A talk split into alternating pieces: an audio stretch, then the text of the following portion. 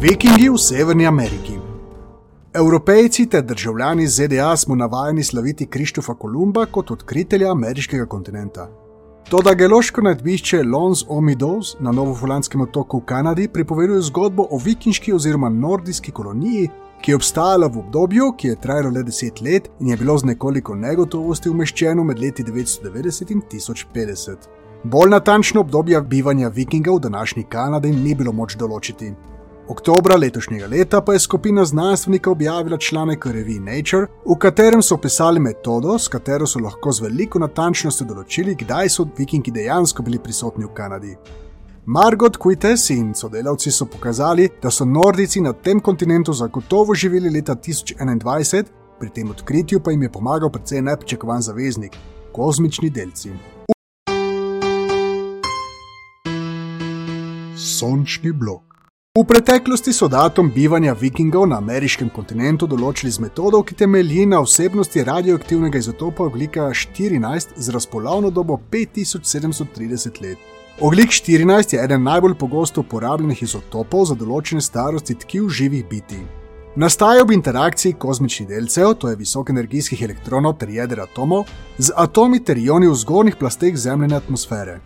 Oglik 14 v kombinaciji s kisikom tvori radioaktivni oglikov dioksid, ki pride v rastline s fotosintezo ter v živali s prehranjevanjem. Ko živa bitja umrejo, se koncentracija oglika 14 v njihovih tkivih zaradi radioaktivnega razpada postopoma znižuje. S tem, ko določimo trenutno koncentracijo tega izotopa v vzorcih tkiv, lahko gotovimo, kdaj je rastlina oziroma žival umrla. To metodo C14 lahko uporabimo za analizo tkiv, ki niso starejše od 50 tisoč let. Metodo C14 s pridom izkoriščajo arheologi za določanje starosti arheoloških najdb, kot je vikinška naselbina Lons Omidos v Kanadi. Gre za edino odkrito vikinško naselbino na novi celini. Njeno starost so arheologi poskušali določiti na različne načine, med drugim z interpretacijo islamskih sag in zgodb, ki so se prenašale z ustnim izročilom in so jih zapisali šele stoletje po njihovem nastanku. Le te večinoma govorijo o bojevniku Leifu Eriksonu in naselbini, ki so jo imenovali Vinlandija. Mnogo študij se je poslužilo metode C14, pri čemer pa je bilo izračunanih kar 55 različnih datumov, ki se raztezajo med leti 793 in 1066, kar pa pomeni celotno vikinško ero. Ta razpon datumov smo dobili zaradi tega, ker je večina študij bila narejena v 60. in 70. letih prejšnjega stoletja, ko tehnika datiranja s C14 še ni bila dovolj izpopolnjena. Obstajajo pa tudi drugi vzroki, ki lahko vplivajo na natančnost določanja starosti arheoloških najdb. Metoda C14 temelji na relativni vsebnosti tega izotopa v primerjavi z bolj stabilnim oglikom 12. Ta vsebnost pa se v naravi lahko spremenja.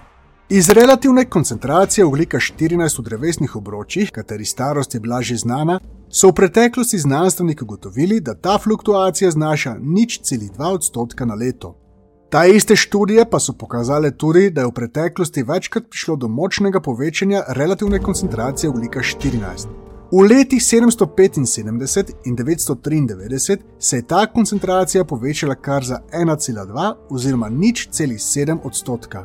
Dokaze za ta dva porasta koncentracije oglika 14 so znanstveniki našli po celem svetu, kar kaže na njun izvenzemljski izvor, konkretno na povečano intenzivnost kozmičnih delcev.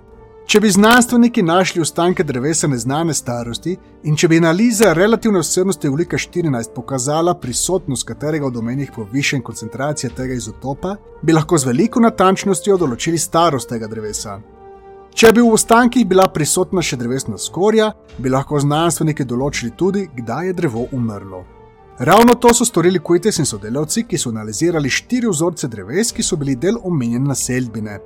V njih so znanstveniki našli dokaze za povečano vsebnost oglika 14, ki se je zgodila leta 993. Na to je bilo treba le še prešteti branike vse do drevesne skorje in znanstveniki so zlahka določili, da so bila drevesa posekana leta 1021. Odkritje tega datuma je izredno pomembno, saj je to najbolj zgodni datum, za katerega vemo, da so Evropejci prekrižarili Atlantski ocean. Sončni blok.